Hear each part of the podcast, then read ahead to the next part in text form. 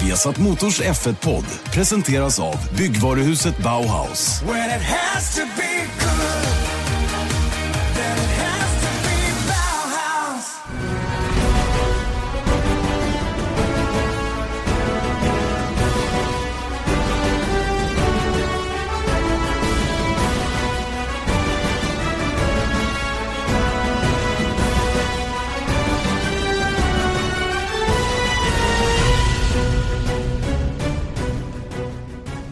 Oerhört välkomna ska ni vara till veckans Formel 1-podd. Formel 1-poddarna är tillbaka varje vecka. Den här gången inför Storbritanniens Grand Prix. Viasat Motors Formel 1-podd ska jag säga med Janne Blomqvist och Erik Stenborg. Erik, välkommen till podden. Tack. Tack, tack, tack, tack. Välkommen du också. Tack så mycket eftersom eh, ja, den, är ju lika, den är lika mycket bådas. Mm. Eller hur? Så är Va, det. vad fin du är som, som ger mig halva. Ja, ja, men det måste man göra. Man måste vara sån. Man måste vara en fin med. Alla måste vara snälla som fotomangen brukar säga. Exakt. Och du har ju faktiskt avverkat massor av eh, bisittare i den här podden Exakt. genom åren. Det är bara en som hänger kvar. det ja, jag, är, jag är nog längst, tror jag. Ja, det tror jag faktiskt jag. Ja, kanske Eje gjorde. Ja, men ni var så sporadiska på den tiden, så Mm. det, det var så här, ja, men idag, det kommer inte ut. Det, räkna, det räknas inte riktigt. Ehm, vi, jag är för övrigt hemma och vänder lite. Eh, så åker imorgon bitti igen mot eh, Silverstone och England. Och vi ska prata mycket Silverstone och England alldeles strax. Det finns ju av lite olika skäl mycket att prata om när det gäller just det. Eh, hemkommen från Österrike eh, ganska tidigt igår faktiskt på förmiddagen. Det var, eh, det var Fakir faktiskt från Wien. Och hem var tur det för det var ju värsta åskvädret där nere såg jag. Det var många som eh, blev kvar ett extra dygn i Wien för att det var sånt fruktansvärt väder över flygplatsen just med åska och tornado och gud vet allt vad det var. Vi är glada att ha det hemma, faktiskt. Ja, det är gött. Det är gött. Men som sagt, snart på väg igen. Men innan vi kommer in på, på Silverstone och hela den biten då så tycker jag vi, vi landar lite grann i eh, det senaste racet då, Österrikes Grand Prix och eh, ja, det var ju lite, lite smågrejer där som, som stack ut får man väl ändå säga. Mm. Ja, men det var, jag vet inte riktigt om, om, om eh, jag satt och tänkte på det under när jag tittade på racet, att är det här bra? Eller är det, du vet, man, man försöker se sig själv utifrån, eller vad man ska säga, under, eh, under racets gång, men, men ehm, det var ju tur att det blev lite spänning i slutet. Alltså jag, för om jag får tala utifrån mitt eget perspektiv, nu är jag kanske lite speciell då, i och med att jag jobbar samtidigt som jag försöker konsumera det. Så, så kan inte jag tycka att jag satt och tänkte så här, gud det här var ju värdelöst tråkigt. Så, nej, verkligen inte, utan det var, ett, det var ur underhållningssynpunkt 5, 6, 7 på en 10-gradig skala kanske, varken mer eller mindre. Det var inget briljant race, det var inte, det var inte supermycket som hände och det var inte så här så här galen spänning eller någonting. Så det var, ett, var en dag på jobbet för Formel 1-killarna helt enkelt. Och eh, så en är det ju ibland. Baku. Ja, det får man väl ändå säga där det var totalt kaos och det var ju en del som var kritiska mot just det kaoset också. Nu var det ju nu var det mer ordning och reda när vi var i Österrike och då får man väl liksom leva med att det är lite, jag tycker just att de kontrasterna är ju det som är det intressanta, att det kan vara så olika. Mm. Och det är faktiskt lite intressant, för vi ska, vi ska prata om honom lite senare, men det är Ross Braun, han pratar om, eh, vi kommer sända en intervju med honom på söndag, eh, som redan är gjord, och eh, vi satt och klippte den idag, och då tänkte jag på en grej som han säger, och det är om banorna, att vi har till exempel Monaco vi har Spa, är väldigt stora kontraster mot varandra, men vi kan uppskatta båda två, och vi kan fortfarande få väldigt bra race på båda två. Ja, Och det är lite det som är tjusningen för Nej, honom men så är det och, ju. Jag kan och för mig inte också. säga att... Jag, jag, jag kan bara hålla med. Det är klart att, det, det är klart att eh, man, kan, man kan uppskatta båda sakerna så att säga. Det är verkligen det. Och tänk om allting, om det vore lika varenda gång. Det vore ju helt konstigt, eller hur? Mm. Och tänk om alla människor vore lika också, Janne. Då hade det också gud, varit tråkigt. Ja. Tänk om alla vore som jag. Det hade varit fruktansvärt. ja, det hade det faktiskt varit. Ja, ja, ja men det är klart att det hade varit det. Det fattar ju vem som helst. Men du, okej. vi, vi, vi går in på själva racet då och kommer fram till att eh, det, det hände ju grejer redan från start. Men eh, jag tror aldrig jag har sett någon göra en sån start som Valtteri Bottas gjorde. Aldrig någon som har träffat släckningen av de, här fem lamporna så perfekt som han gjorde den här gången. Eh, Så till den milda grad att vissa till och med trodde att eh, det var tjuvstart. Mm. Och det, jag vet inte, jag tror inte... det här var inte en reaktion, utan han, tror jag, jag tror inte han reagerade på lamporna, utan han tänkte att nu släcks de och nu reagerar jag. Förstår du? Han chansar med andra ord. Ja, men jag tror att det var en chansning som det, gick hem. Det tror jag också. Det, det, ska ju, det, ju, det ska ju vara olika hur lång tid det är från det att den femte lampan är tänd tills dess att det slocknar. Man ska inte kunna sitta och räkna i huvudet att nu är de fem lamporna tända, om fem sekunder slocknar det, utan det ska ju vara random. Ibland kan det vara en sekund, ibland kan det vara tre och, och så vidare. Så att man mm. ska inte kunna ha, man, man ska helt enkelt tvingas titta på lamporna och reagera accordingly så att säga. Då. Mm. Men jag tror att varför det kom upp var nog att han, jag, jag, tror faktiskt inte att han reagerade som jag sa, utan jag tror att han nu, nu drar jag igång. Nej, att han, ja, det ja. Var en, ja, det tror jag också. Jag är helt övertygad om att det var en chans. Ingen träffar så perfekt. Eh, om, man, om man väntar på att det ska slockna. Alltså om man, om man har marginal på det viset. Det här var en rövare han tog helt enkelt och den gick hem. Och det var ju eh, tur för honom det, jag säga. Mm. För det gjorde ju att han då eh, fick 25 friska poäng och såg till att han verkligen är med i VM-fighten eh, på, på riktigt allvar. Och det här racet var ju fantastiskt likt första segern han tog i Ryssland. Mm. Men då gjorde han också en kanonstart. Då inte från pole utan han tog sig upp till ledning genom en kanonstart. Han hade en brutalt snabb första stint och, och led lite grann mot slutet när Fettel tryckte på.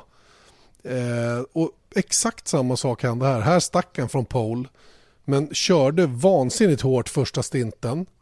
Eh, såg till att få en lucka på x antal sekunder, jag minns inte hur många det var som mest, men 6-7 sådär någonting. Och, eh, och det var nog tur att han hade den marginalen på något sätt, va? för att den behövdes i slutet. Mm, verkligen, då, då, det var faktiskt oväntat hur fort han kom ifatt där, Fettel, mm. mot Bottas. Så det, var, det, blev ju jättespännande där. Sen så var det lite ont om varv och eh, det var väl Perez va, som förstörde lite i varvningarna. Bland annat var det ju det. Men det var ju också det faktum att Bottas hade ju ett bakdäck som var i ganska dålig kondition då. Det hade en så kallad blisterrand mitt på. Eh, jag tror det var vänster bak som, som, men alla hade ju blister i olika hög grad. Sen var det inte alla som hade på bakdäcken just utan många hade det fram på innerskuldran. Och, och blister hörde vi ju, blister då som är värmeblåsor, så kan vi förklara det va? Mm, det kokar liksom. Ytan blir för varm helt enkelt och då, då blir det som små bubblor. Och, och det kan lossna väldigt mycket gummi från slitbanan av det här och eh, är inte speciellt hälsosamt för däcket. Det är inte alltid så att det är jättekris när det inträffar men, men sällan brukar det ge bättre grepp i alla fall. Och, eh, det syntes ju rätt tydligt på Bottas på slutet där, att han hade lite kämpigt och och, och kunna hålla tempot uppe då och Fettel kom ju fort där, hade behövt något eller några varv till där. Och då menar mm. jag, då de där sekunderna i början, de blir ju himla värdefulla då i slutet så att säga.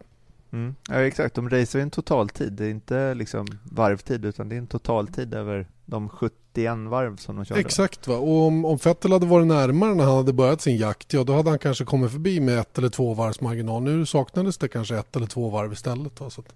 mm. Nej, men det är lite kul också för nu är han bara 15 poäng bakom Hamilton och jag tycker det är lite coolt också för att, att Bottas gör på det här viset att så fort Hamilton är borta eller vad man ska säga som det var i Ryssland också mm. eh, då tar han verkligen tjuren vid orden och, eh, och kör på och vinner. Det måste ju vara en dröm eh, andreförare om man kan kalla honom så. Mm en dröm andra förare. Ja, nej, nej, men visst, visst 17 måste det vara så. Det leder oss in lite grann på det här att, att Hamilton har sina dagar. Mm. När saker och ting inte funkar till 100%. Och förra året så var det ju lite starter. Mm. Och naturligtvis också tillförlitlighet som kostar honom VM-titeln. I år kan det faktiskt bli så att de här off-days som man då har emellanåt kan bli betydelsefulla i jakten på VM-titeln. Verkligen, och det, det, det, är verkligen där som man måste verkligen hugga till. För att om man tittar på fjolåret, han klagade så ofta på att det var hans tillförlitlighet eh, som gjorde att han inte tog VM-titeln 2016. Och det är klart att hade han varit helt perfekt genom året i tillförlit, tillförlitlighetssynpunkt, då hade han kanske vunnit VM. Men han hade ju också sina off days så att säga, till exempel i Singapore, när mm. han var ingenstans. Då hade han liksom satt ihop de helgerna och varit perfekt från sitt... Han kan inte påverka om en motor går sönder. Liksom. Det går inte. Men han kan ju påverka så att han är på bollen hela, hela tiden. Så det är ju det som gör också att han förlorade den VM-titeln. Och menar, vi har sett det några gånger i år också, att han inte riktigt är där. Och sett i kvalet i, eh, i, eh, i helgen då, han var ju snabbast i, under träningarna och sen under Q3 så jag menar, han hade ju ett handikapp i form av en växellådsbestraffning så att han hade inte kunnat starta etta men ändå viktigare att vara snabbast i Q3 som i alla fall kunde starta femma. Mm. Hade han startat femma Ja, då vet man inte var han hade hamnat i slutet heller. Nej, men det du försöker säga är att, att eh, det var sämsta tänkbara tillfälle att inte vara ett eller två i kvalet.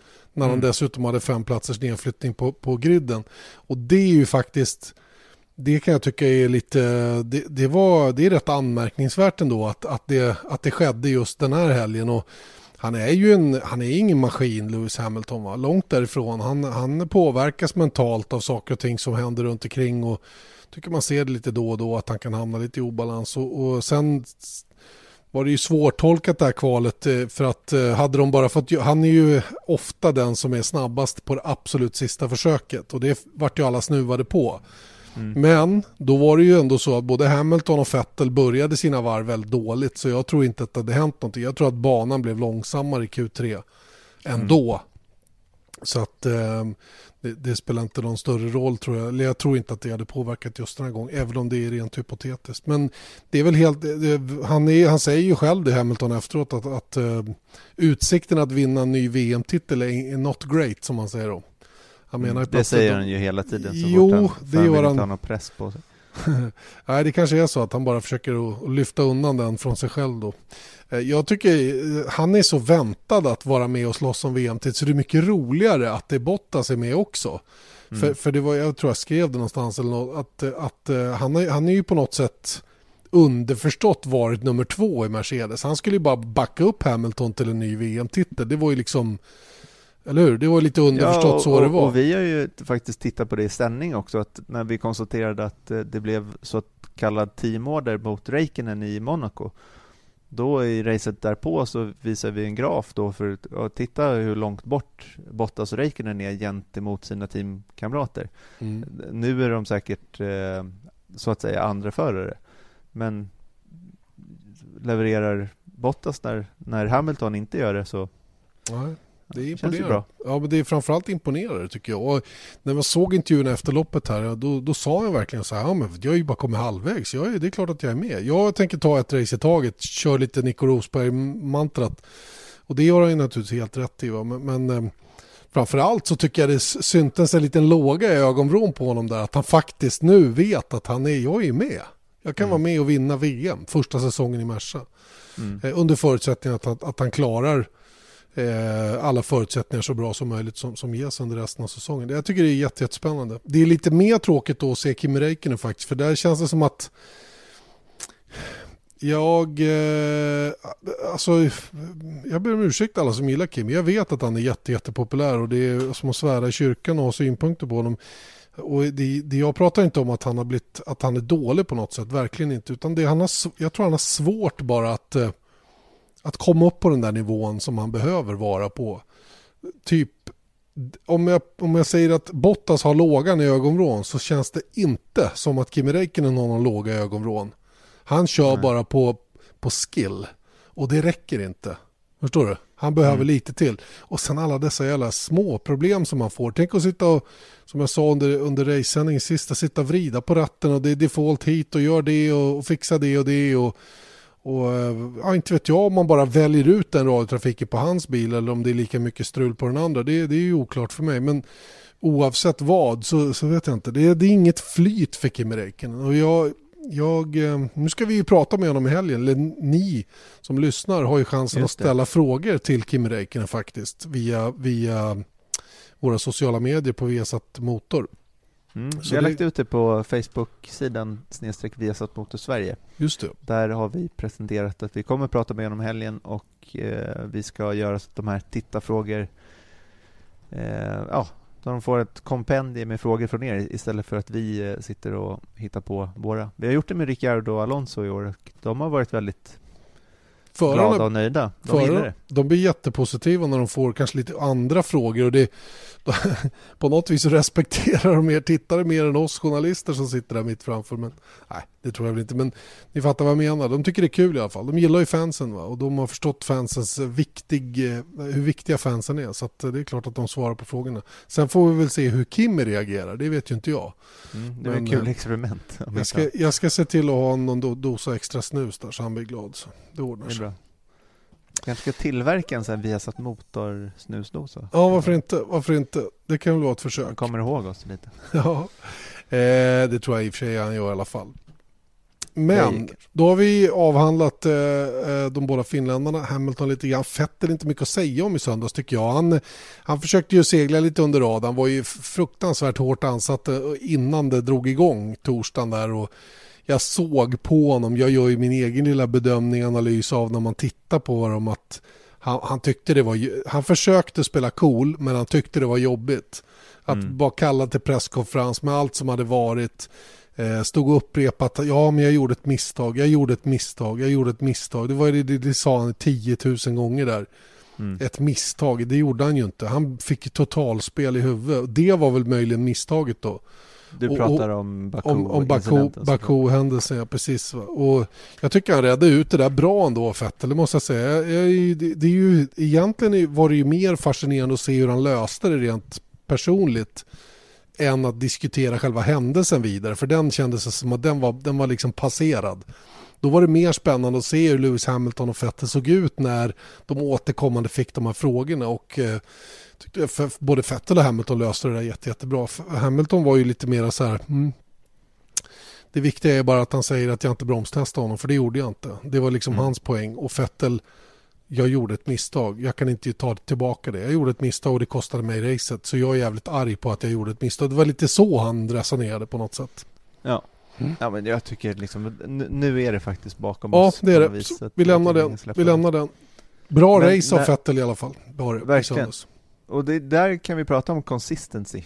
När vi pratade apropå det som Bottas håller på med och eh, även fast han inte varit på pallen eh, jämt heller så jag tycker inte vi ska såga Hamilton eh, på det viset heller. Nej. Men, men, men, eh, men det är Vettel håller sig framme och det är det som gör att han någonstans ligger 20 poäng före Hamilton nu också. Mm. Nej, men Hamilton är man ju så, han har ju en sån hög högsta nivå. Så det är klart när han faller ner lite grann då, då börjar man ju fundera. Det är ju därför, det är därför frågetecknen kommer. Han är ju fortfarande otroligt, otroligt hög nivå. Men när man sitter i den där bilen, jag har varit inne på det tidigare, när man kör en Mercedes så är allt annat än att bli världsmästare ett misslyckande. Så bra är den ju. Förstår du? De tävlar ju liksom i en annan division där uppe någonstans. Det har inte riktigt varit så för Ferrari de senaste åren, men för Merca har det verkligen varit på det viset. Ja, och speciellt, det är klart att Hamilton har höga förväntningar för att man vet att, hur bra han är. Så att när han inte levererar enligt de förväntningarna i det lilla så, så blir man ju fundersam direkt. Visst, visst är det så. Mm. Och, Men som sagt, när vi pratade om, om, eh, om att hålla sig framme, så om man tittar på Red Bull, där har alltså Ricciardo nu tagit fem raka pallplatser. Han är alltså den första föraren att göra det eh, sen som inte vunnit VM, eh, som inte har vunnit en icke-världsmästare, första sedan 2004 som gör det då Barrichello gjorde. Aha, okej, okay, det var dit du ville komma. Alltså man behövde mm. alltså ha så pass bra material att man sen gick och vann VM-titeln för att mm. klara att vara på pallen fem race i rad. Okej, okay, då är jag med. Då är jag med. Ja det, han, ja, det är det ju, men det är en rätt viktig punkt där för att det är precis det, är precis det som är grejen. Han är ju sjukt stark alltså. Och vilken racer han är och hur, hur, vilken unik förmåga att, att, uh, att ta vara på situationen när de dyker upp. Baku, herregud, han hade ju massor med tur och, och sådär, men han var där. Han hade pace som kunde backa upp det. Han körde om tre bilar in i första sväng. Mm. Jag menar, det var många som inte körde om någon bil på hela racet. Verkligen. Så att jag menar, det, han är, han är jätte, jätteduktig Daniel Ricciardo. Och, och, och sen så slipper han ju allt det tekniska som hans teamkamrat då har. För kontrasten blir ju Verstappen då, som har fem raka DNF. Det vill mm. säga brutna tävlingar då, de sju senaste loppen.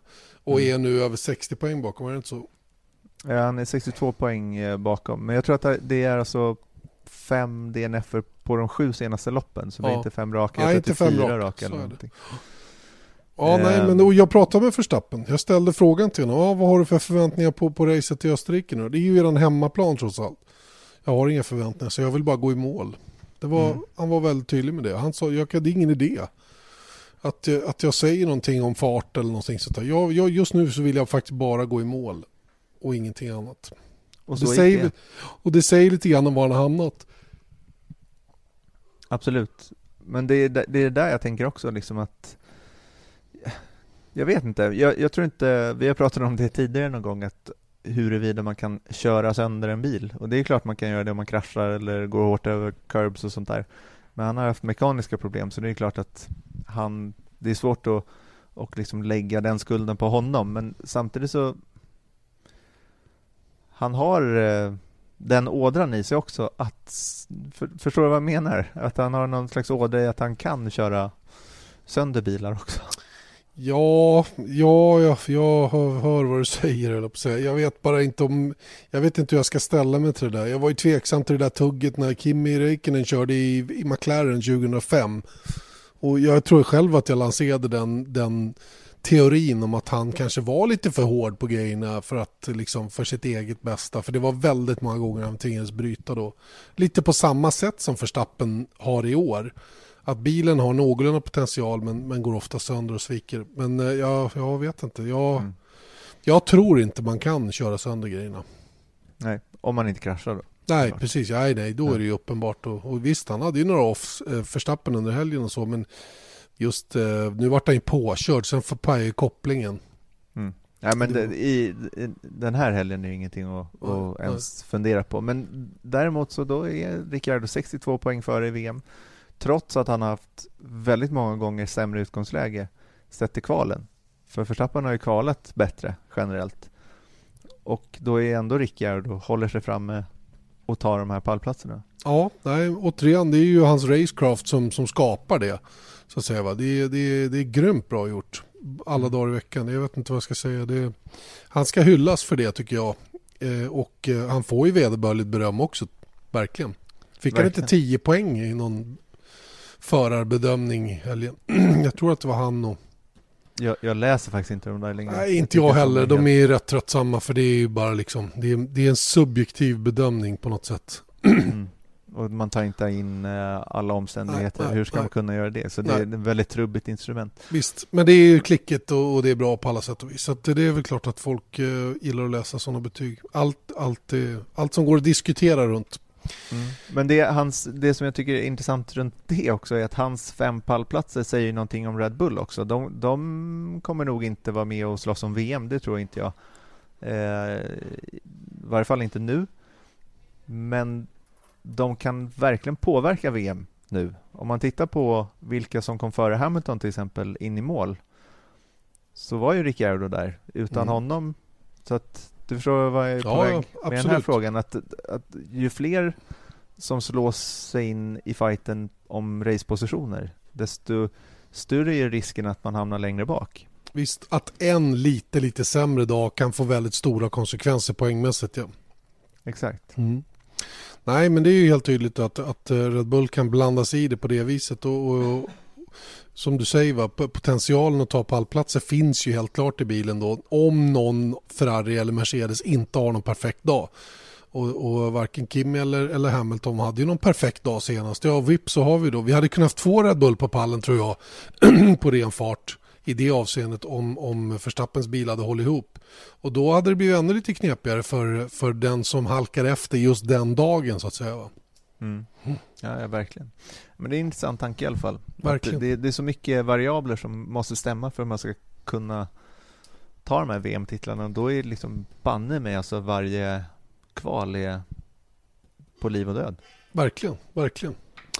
Eh, innan vi lämnar Österrike så kan vi bara konstatera att eh, Honda kom dit med en Spec 3-motor till eh, McLaren. Såg eh, onekligen rätt okej ut på, Eh, på ehm, eh, fredagen. Eh, såg väl inte fullt lika bra ut på lördagen eftersom det visade sig att den ena av de två nya motorerna inte höll, eller i alla fall inte MGUH som har varit kanske det största problemet Eh, och det var då på Alonsos bil som tvingades gå tillbaka till en äldre version. Nu var det ju inte just MGUH man hade uppdaterat just till Österrikes GP utan det var själva förbränningsmotorn som hade fått sig vissa förbättringar. Men eh, det vart ju, tycker jag, ändå ingen toppenhelg för, för, eh, för McLaren Honda trots den här uppdateringen. Och just idag så nås vi faktiskt av uppgifter om att avtalet mellan Sauber och Honda har, har cancellerats.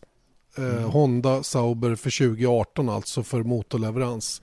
Där är ju två, två Icke bekräftade sådana? Nej, nej, det är inte från officiellt håll, verkligen inte. Men det är två olika källor som kommer med samma uppgift. Det ena är schweiziska Blick som brukar ha bra koll på just Sauber, eller i alla fall haft det tidigare. Och det andra är en tysk publikation som heter Autobild. Och jag har väl själv lite trust issues när det gäller just den och de som skriver där. Men eh, jag tror ändå jag tror det, det finns substans i det här. Jag har ju givetvis försökt jaga uppgifter om det här. Eh, och en källa i teamet så att säga då som säger att det, det är inte det, det, det, är inte alls säkert om det nu, för det är ingen som vill bekräfta någonting, så är det ju. Mm. Eh, och det går inte att få reda på om det här stämmer. Men, men eh, det behöver inte nödvändigtvis vara ett, att det blir sämre för den skull, om man säger så då. Så, så uttrycker man sig. Och det, sen får man tolka det som man vill. Eh, det kommer säkerligen officiella uppgifter om att det här verkligen är fallet så småningom och då kan man ju tolka in den kommentaren ytterligare. Mm. Du, nu måste du prata lite tydligare här. Utifrån hur du ser, ser på det. Är det personen du har talat med i Sauber säger alltså att de har kanske inte Honda nästa år trots allt. Men Nej. det behöver inte bli någonting sämre. Sämre, precis. Så, så tolkade jag det i alla fall. Det, mm. det, var, det, det, det, gick inte att få någon bekräftelse åt varken det ena eller andra hållet. Punkt slut bara. Eh, men men eh, det, det lät inte som om det var begravningsstämning om jag säger så. Förstår Nej. du vad jag menar? Lät det tvärtom till och med? Ja, lite åt det hållet faktiskt. Och, och då, då börjar man ju liksom att, fundera vad det betyder då. Att det, det står någon annan motortillverkare, i, eller är det Honda som har, som har bett om att få slippa leverera motorer till exempel? Eller några sådana grejer då med, med, med jag, jag, jag, kan inte tolka det vidare. Mer än att det verkar inte bli att det sitter en Honda-motor i Sauber nästa år. Och då, är, då kommer ju givetvis nästa fråga på en gång. Vad blir det då istället? Mm. Och är Honda kvar med McLaren? Ja, och det är, väl, det är ju det som blir lite sådär fundersam. Nu stod jag ju med Hasegawa, jag stod med Erik Bollier i, i, i fredags. Jag eh, tittade på dem och förväntade mig att de inte står och ljuger en rätt upp i ansiktet. Och de säger ju faktiskt att Honda och McLaren är en long term commitment. Så är det bara. Jaha, och Hasegawa säger då, för jag, man frågar ju verkligen rakt ut, är det så att ni kommer att samarbeta även framöver? Ni är fram till, ja, ja, ja, visst. Och alla är nöjda och glada. Och så, ja, ja, jag tror det kanske han sa. Okay. Mm. Eh, oavsett det, så, så, så, när man nås av det här beskedet då, så blir man ju lite fundersam trots allt. Och samtidigt då säger ju Toto Wolf exakt. att han eh, vill inte, ja, han säger väl inte med de orden, men, men eh, för honom är det viktigt att Honda kvar i F1. Du, han, han, vill inte. han sa till mig, kan ni tänka er att leverera motorer till McLaren om de droppar Honda? No! Mm. Det är det första ordet han säger. No, we mm. want McLaren Honda to be, to be in Formula 1. Men no är det första ordet som kommer. Mm. Inte vet jag. Politiker har alltid lärt sig att aldrig svara med ja eller nej. Det får de till och med gå kurser och lära sig. Det har inte Just Toto Wolf gått den kursen. Nej, eller så. Eller? Menar han allvar? Ja, det kan men, men, det äh, ja. Nej, men det, det, är ju bara tre att välja på. Ja.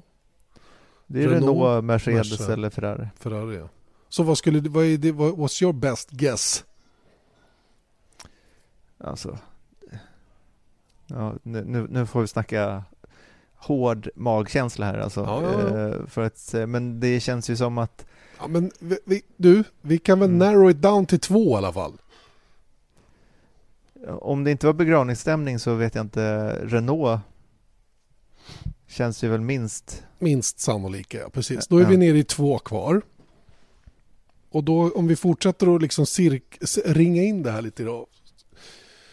Pascal Ja, alltså- Wehrlein kör för, för, han är Mercedes, tillhör Mercedes, kör i teamet just idag. Det, det Mm. gick ju spekulationer redan tidigt att anledningen till att han var där överhuvudtaget var att Merca skulle leverera motorer från 2018. Det blev ju inte så, eller hur? Nej. Så den kopplingen kan vi nästan stryka tycker jag. Ja. Eller?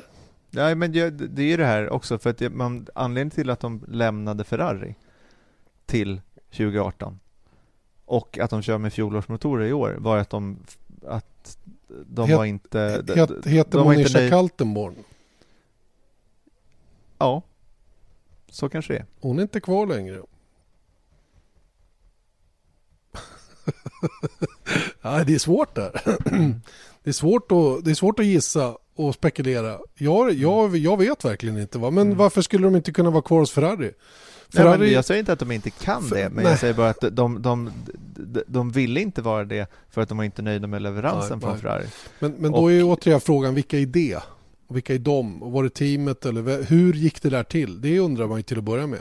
Nej, exakt, men man kan ju ställa samma fråga runt Pascal Wehrlein och Mercedes. Ja, Det kanske absolut. är Mercedes som säger så här, hörni, vi vill att Pascal ska vara kvar. Eh, ni får Mercedes-motorer om ni fimpar Honda. Ja, nej men visst. Visst, det, det, är, en lika, det är en lika stor sannolikhet. Aj, jag, jag, jag blir inte klok på det här alltså. Men, men om skulle jag sätta mina pengar just nu på någonting så skulle jag göra det på en förlängning med Ferrari. Mm. Ja, men jag, De har Nej, trots allt alltså bara jag- två team. De har sig själva och Haas. mm, Så de har utrymme för ett team till. Eh, Merca Mm. har idag sig själva Force India Williams. De, Mm. eh, de är, de är, och, och eh, Renault har ju sig själva Red Bull och Toro Rosso. mm.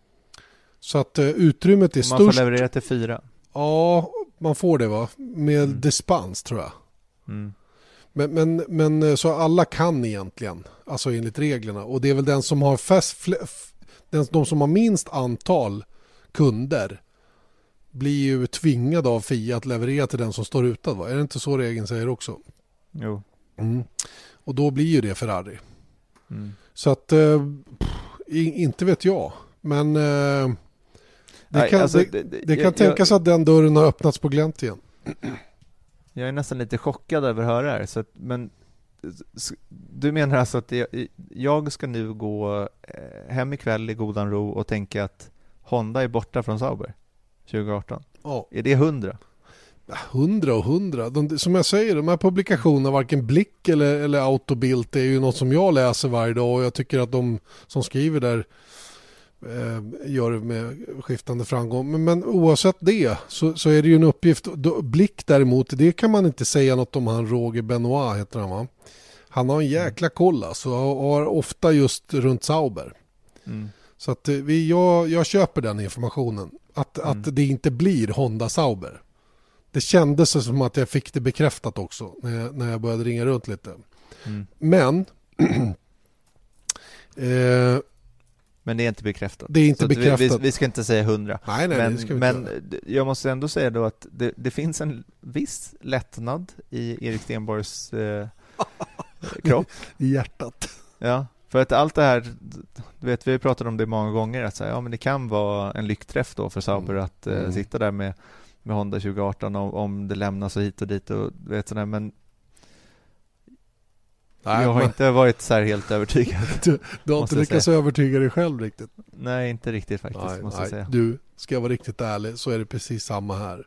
Och det är klart att för varje månad som går eh, så, så blir, man ju, li- blir man lite så här, åh vad jobbigt. Och jag lanserade ju min, min dröm senast i podden, gjorde jag inte det? Mm. Där jag sa att Hon, eller McLaren skulle vara Hondas eh, testteam under resten av 2017 och sen så skulle de ha en jättefin motor till 18 som skulle sitta i Saubern. Och den, det var ingen sanddröm längre. Nej.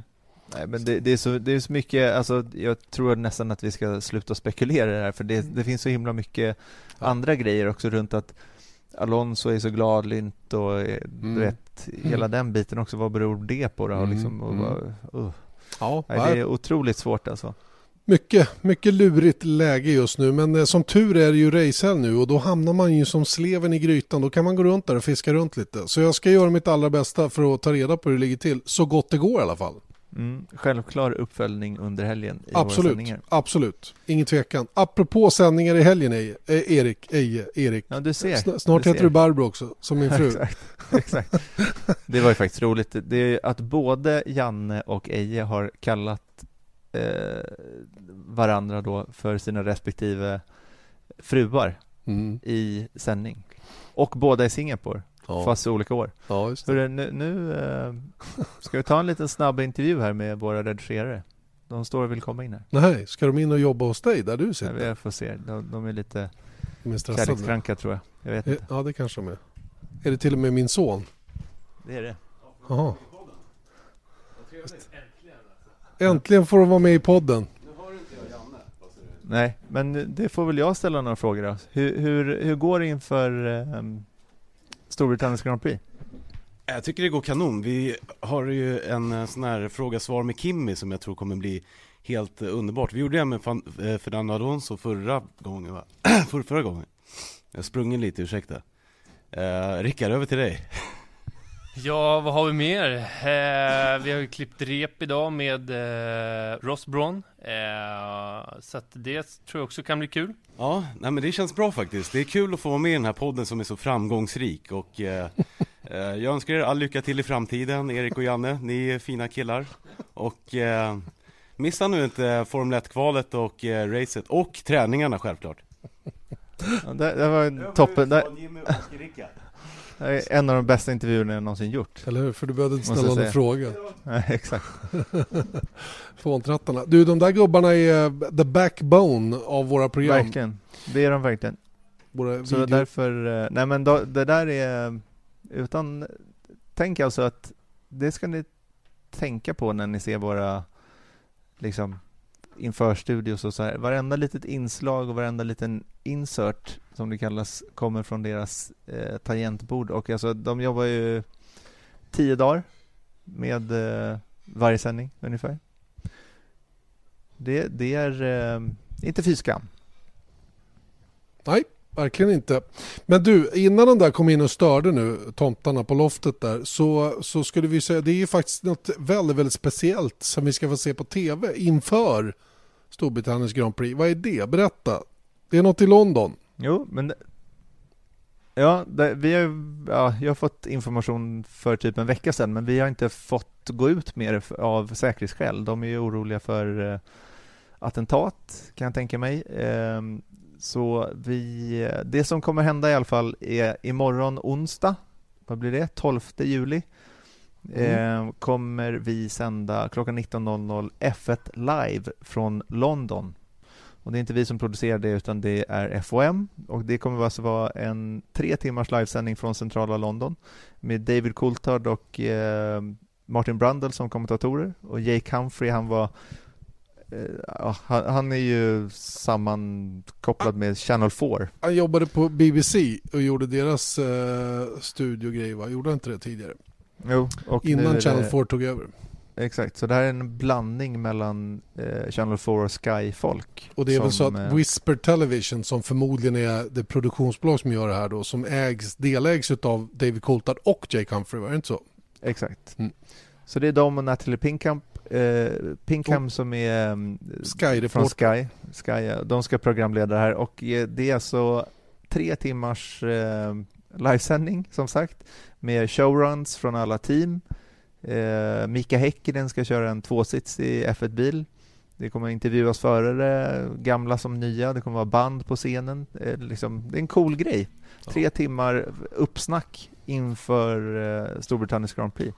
Men- Liberty Media måste ha lyssnat på vår podd. Jag tänkte säga det, de ligger och tjuvlyssnar de rackarna för det där var ju ett eh, ganska tydligt önskemål från vår sida att göra någonting sånt här. Och Mm. vad glad jag blir när jag, får, när jag märker att de faktiskt är inne på det. Sen ska jag inte ta någon cred för varken det ena eller andra, det är ju, de är ju duktiga nog att komma på det här själva. Men det var ändå lite spännande att, att de faktiskt tog fasta på det här Eh, för jag nämnde ju det här efter Le Mans där jag tyckte att de gör ju en sån fantastisk parad genom stan och det är, man lyfter fram förarna på ett, på ett helt annat sätt än vad vi och jag tänkte på det nu i Österrike, jag sa det, den här Drivers Parade, för i Österrike försöker de ju ändå göra lite kul grejer med diverse, de kör i gamla sportvagnar och de flyger flygplan och det är allt tänkbart.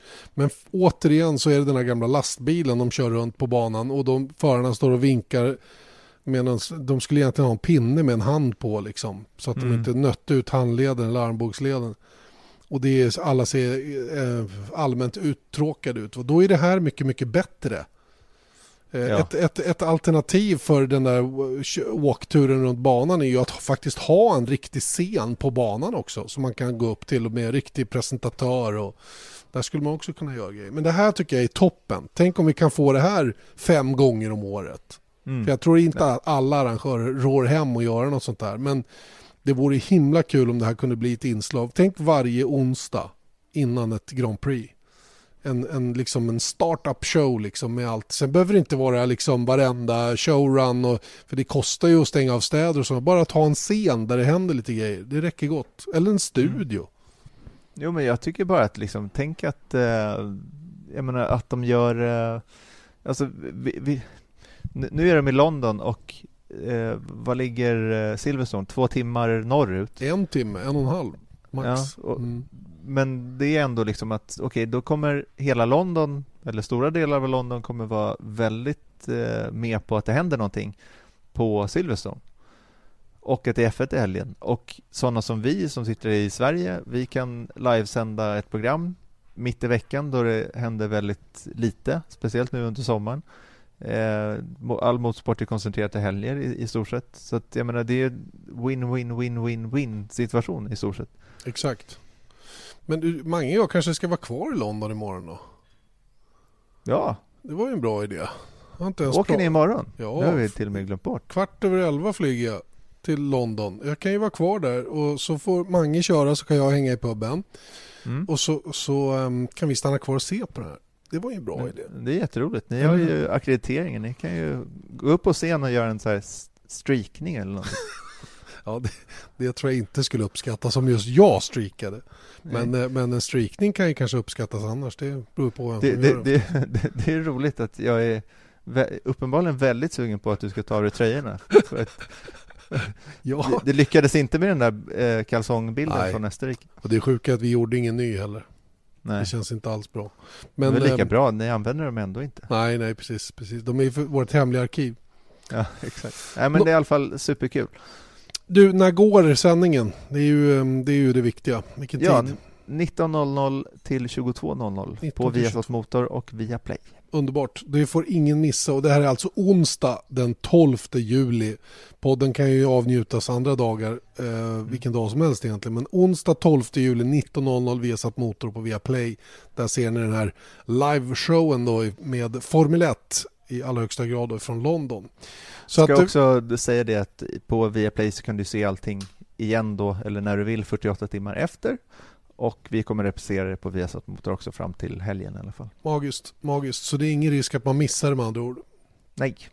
Jättebra. Och sen har ju Kling och Klang som var inne, våra redigerare, de eh, har redan flaggat för att Ross Braun kommer i ett inslag på söndag och eh, det här är ju lite apropå det vi pratade om innan då, F1 Live i London Eh, Ross Braun som, som inte har hand om den biten men om det sportsliga och han har rätt mycket intressanta tankar nu som vi dels kommer att höra i det här inslaget då, men som, som är värda att beröra i, i podden också.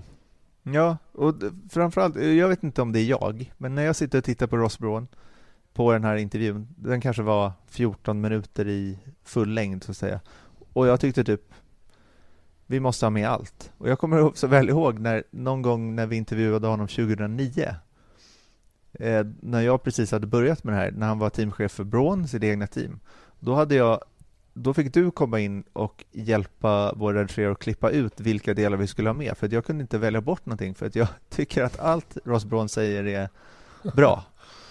Och det är lite samma sak nu mm. också, för han, han är han är en liksom förtroendet, åtminstone hos mig, mot Ross Braun är skyhögt alltså. Mm.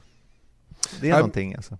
Ja, jag har precis samma känsla och jag, jag vet att jag, jag lanserade honom som efterträdare till Bernie Eccleston tidigt när den diskussionen började och nu har han fått nästan en ännu bättre roll än, än, än att ta över efter Bernie för det kanske inte var hans bord riktigt men Bernie tog ju hand om allting själv så det, det, var det bästa alternativet just då. Nu har de ju pickat upp där i Sean Bratcher, de har Chase Carey och Ross Braun som är då tre figurerna, de tre figurerna som, som liksom frontar sporten nu då. Ross Braun har ju fått eh, har ju fått ansvaret för den sportsliga biten och där har han kompetenser och rinner över till och med. Och det intressanta som du sa till mig Erik är att han pratar ju nu inte att ändra någonting till, till, nästa säsong utan han tittar på lite längre sikt för att verkligen hitta ett gångbart koncept som man kan leva med i framtiden.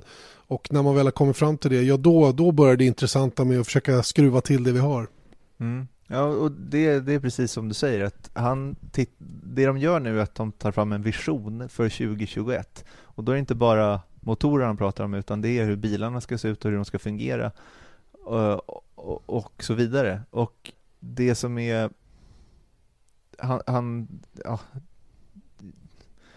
det han pratar om är att han vill behålla eh, Formel 1 som Formel 1, alltså att det ska vara tekniskt avancerat och eh, förarna ska vara liksom hjältarna i allting och sånt där. Men det, det de tittar på som koncept nu är, är eh, ja, någonting som ska inte ta ifrån de som sitter med trumfkorten nu, utan för då känner de att de vill inte påverka till exempel Ferrari nu om de har hittat någon, någon pryl som gör att de går eh, jättefort.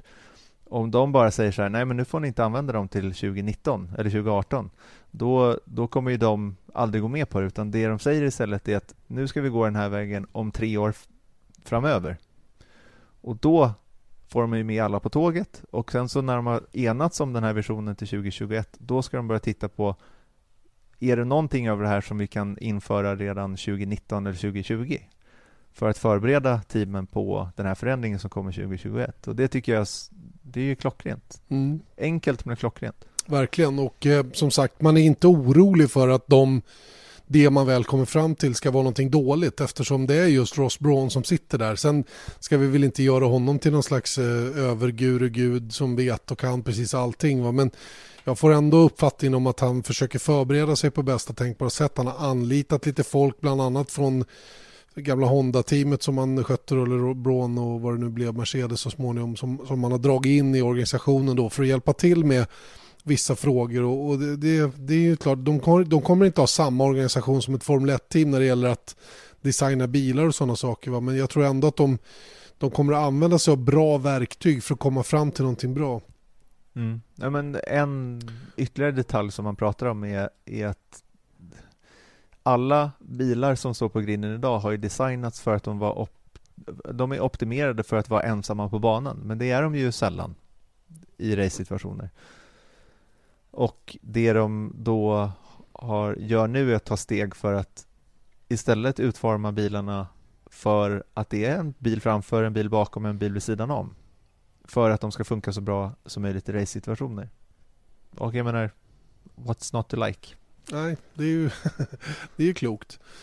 Tänk Mercedes, de har ju varit ensamma eh, de tre åren sedan vi tog det här nya reglementet i bruk. De har ju naturligtvis bara kunnat fokusera på hur bilen fungerar i fri luft eh, med vissa små kompromisser då när de kommer in i varvningar och sådana saker. Men att, att redan från början tänka de här banorna låter ju helt, eh, helt briljant.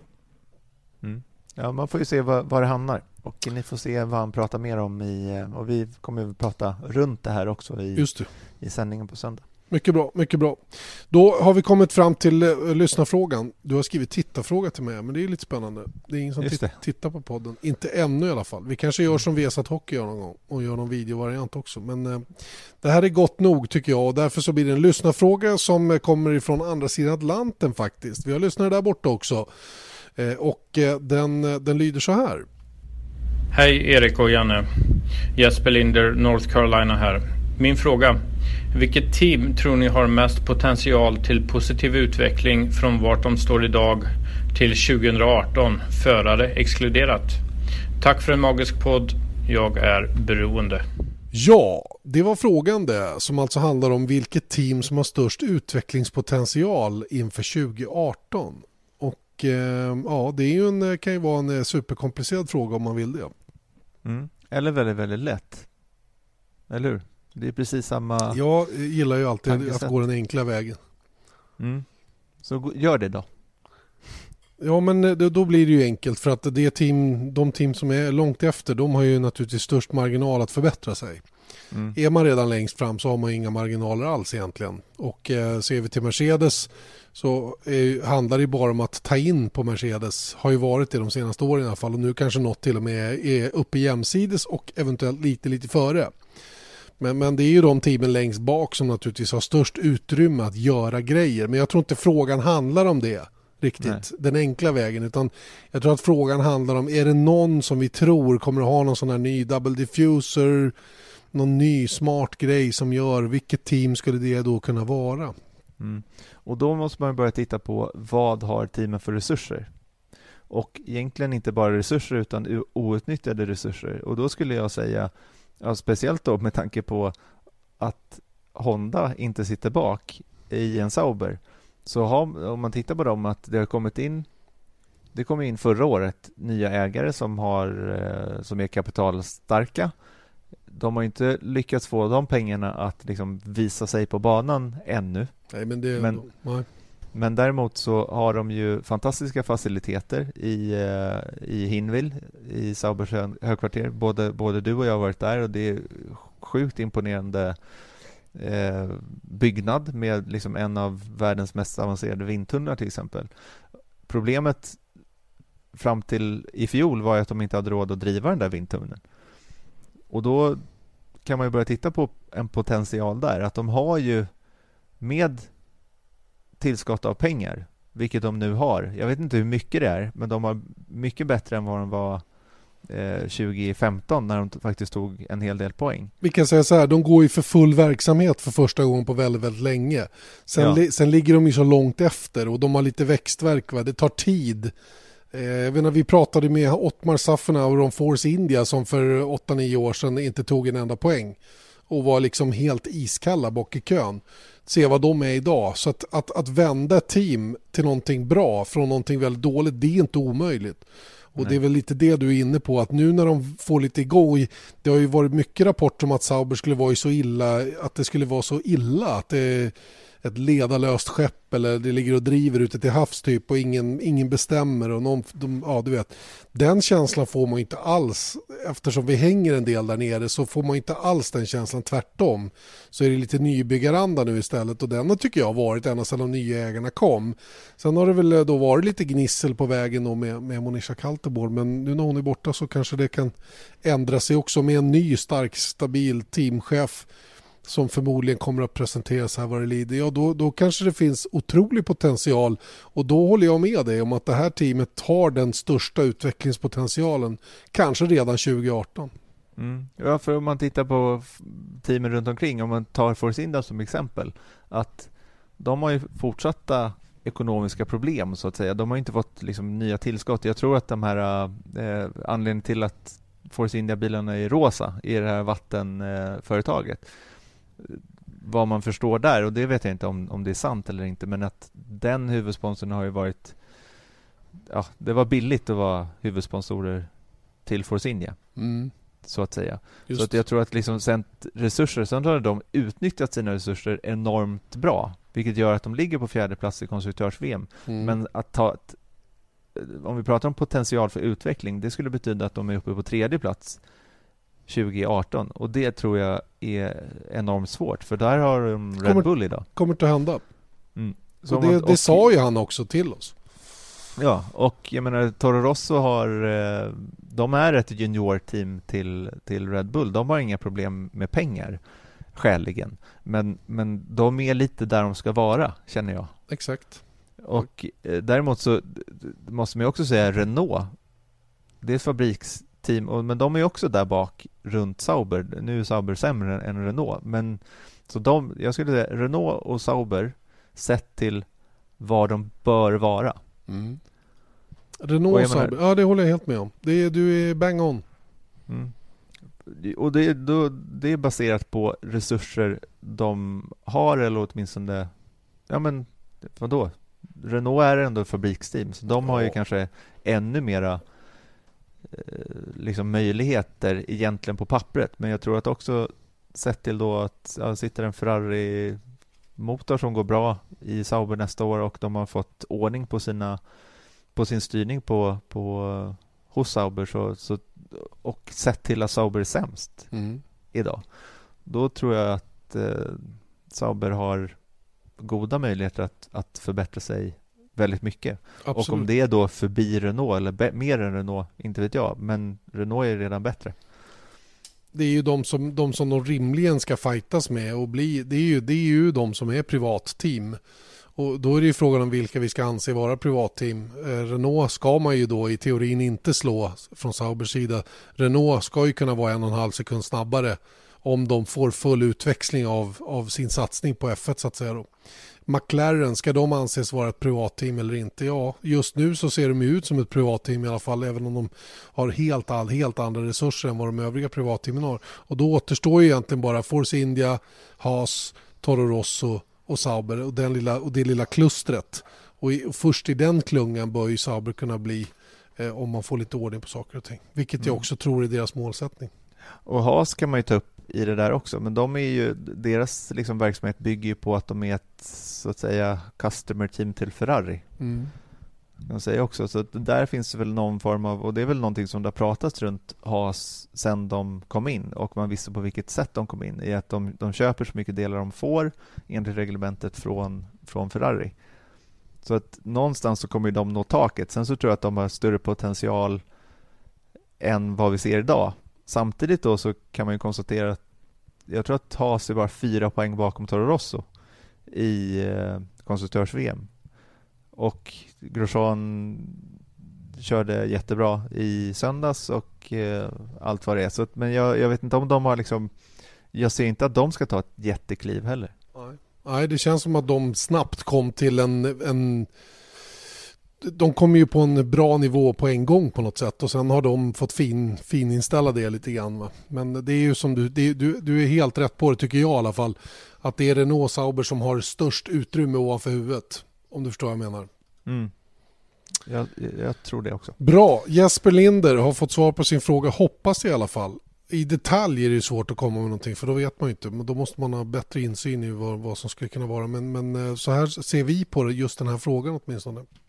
Mm. Fortsätt då för övrigt att skicka in era frågor på, eh, på F1-podden. Hashtag F1-podden. Eh, vi kommer sen då om vi väljer ut en fråga och be att ni skickar över en liten ljudfil. Men det kan vi komma till när det blir aktuellt. Eh, Det om detta. Sen har vi då det här nesliga tippandet kvar och det är inte så kul. Det är ju rent av tråkigt att prata om. Mm. Ja, men vi nollade båda två. Det står fortfarande 7-7. Jag tror jag tippade Hamilton i pole, Vettel som vinnare och Stroll först ut. Inget rätt. Nej. Du tippade på Ricciardos i pole, Verstappen eh, som vinnare och Perez först ut. Och det stämmer inte heller. Det är katastrof. nu kommer jag gå, nu kommer jag verkligen, nu slutar jag upp och tramsa med och, och liksom chansa.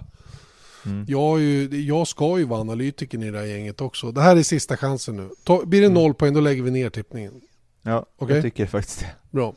Så det här är sista, nu får vi skärpa till oss. Och jag tror därför att eh, eh, resultatet på Silverstone i kval kommer att vara Lewis Hamilton. Jag tror att han eh, jag tror att han tar pole, han får chansen att köra igenom hela det här kvalet som är nu kommande söndag eller lördag och han kommer att ta pole. Vinner racet, gör Hmm. Ja du, tänk om Valtteri Bottas kunde vinna på söndag. Det vore ju fränt. Tänk om han tog 25 till och verkligen är med i matchen. Det vore ju kul. Det, är ingen, det här är ingen analys, det här var mer så här hjärtetippning. Därför så säger jag att det är Hamilton som vinner också. Och sen säger jag då att den som får bryta först på söndag efter en riktig propp in i första sväng blir... Eh, jag tror Kviat åker dit igen. Mm. Det är ett eh, intressant tips. Ja. Han borde ju hålla sig undan, Det borde han. tycker jag. Det borde Ja. han definitivt. Men det är inte så lätt alla gånger, vilket han visade själv. Ja, exakt. Ja, då är det jag va? Ja. Och Då säger jag Hamilton i pole, Mm. Hamilton i vinst. Mm. Och det skulle innebära då att han tar sin fjärde raka i, Just. på Silverstone. Just det. Och Det vore coolt. Och ehm, ja, först ut, det är den här, äh, det är lite svårt. eh, Det var någon som tyckte vi mitten. skulle gissa på vem som tar snabbaste varv istället för vem som åker ut först. Det kanske är en bra idé. Om vi nu fortsätter att tippa ut har jag tappat lusten helt. När man är så dålig som vi är. Vi, vi gör så, vi gör så. Vi, vi tar snabbaste varv. Istället, okej, okej, okej. Då är det ju trippel Hamilton för min del. Nej men du tog, vadå? Tog inte du Bottas? Jo, jo, nej, nej, nej, Ja. nej. Jag tog Hamilton här. Jag bara sa att det vore kul om Bottas vinner. Men jag Ja, sa okej. Hamilton. Så Nej det- men vadå, då kan jag inte, då, kan Nej. jag ta samma då? Ja, det då måste, måste jag ju ta få. någonting annat. Du får, du, Mm. Det är ju önskvärt om du tar något annat. Ja. ja, men då tar jag Hamilton Jag tar Hamilton i pole Du får tippa Hamilton. Jag är schysst ja, men så. det blir tråkigt Ja, blir det är skittråkigt. ja. Men eh, ta Fettel då. Han är ju bra. Mm. ja, men nu försöker jag göra så här, fast vet du vad? Du sa ju faktiskt att jag skulle ta Bottas Ja, ja jag gör jag. Sist, Eller ja. hur? Ja men jag tar Vettel då Då får jag, Du sa ju att Det- jag skulle ta Bottas. Jag sa att jag tar Fettel. okej Det skitbra. ja, men nu, nu säger jag så här Hamilton tar pole, Ja, Vettel vinner och Bottas ett snabbaste varv bra. Där har vi det. Mm. Tre gånger Hamilton för min del och Hamilton, Fettel, Bottas för din del. Japp, Då är det glasklart och det är alltså snabbaste varv vi tar då. Tack för det tipset, det är bra. Vi tar det rakt av. Det verkar tråkigt. Det är negativt att prata om folk som bryter dessutom. det finns ingen riktig liksom eh, eh, logik i Nej. saker och ting heller Det, det gör ju inte det. Nu ska jag snabbt ta fram sändningstiden också inför helgen här så har vi koll på dem. Vi kan väl säga Som- så här att internet funkar oftast jättebra för det. Ja, det gör det. Ja. Men, men, Men jag kan inte- det- Okej, okej. Your Något förvirrat här i, i Ja, men eh, eller hur. 10 till, vi börjar 9.55 på fredag. 13.55 pass 2 på fredag. 10.55 lördag. Det här är alltså vanliga tider, kort och gott. Mm. Det är vi som får korrigera lite grann som är på plats. Mm. Eh, kvalet startar 14.00, det innebär att eh, sändningen startar 13.40 och racen startar 14.00. Det betyder att vi börjar sändningen 14.15. Så det är, är helt vanliga Europatider den här helgen. Mm. Det gör det enkelt Absolut. och bra. Japp. Och ni Och glömmer vi förstås F1 inte... Live. Ja, F1 Live har onsdag imorgon 12 juli 19.00. 12 juli 19.00. Många reprischanser under helgen. Eller inför helgen. Inför. F2 har vi och Supercup med båda svenskarna som är med där. Gustav Malja i Formel 2 och Filip Morin i Porsche Supercup. Yes, that's it. That's it. Bra slutord. Vi säger därmed tack för den här timmen och ber att få säga på återhörande om en vecka igen. Formel 1-podden är tillbaka då. Och missa för övrigt inte våra sändningar under helgen. Det kommer att bli magiskt. Vi hörs Erik. Det gör vi. Hej då. Resat. Vesat Motors F1-podd presenterades av byggvaruhuset Bauhaus.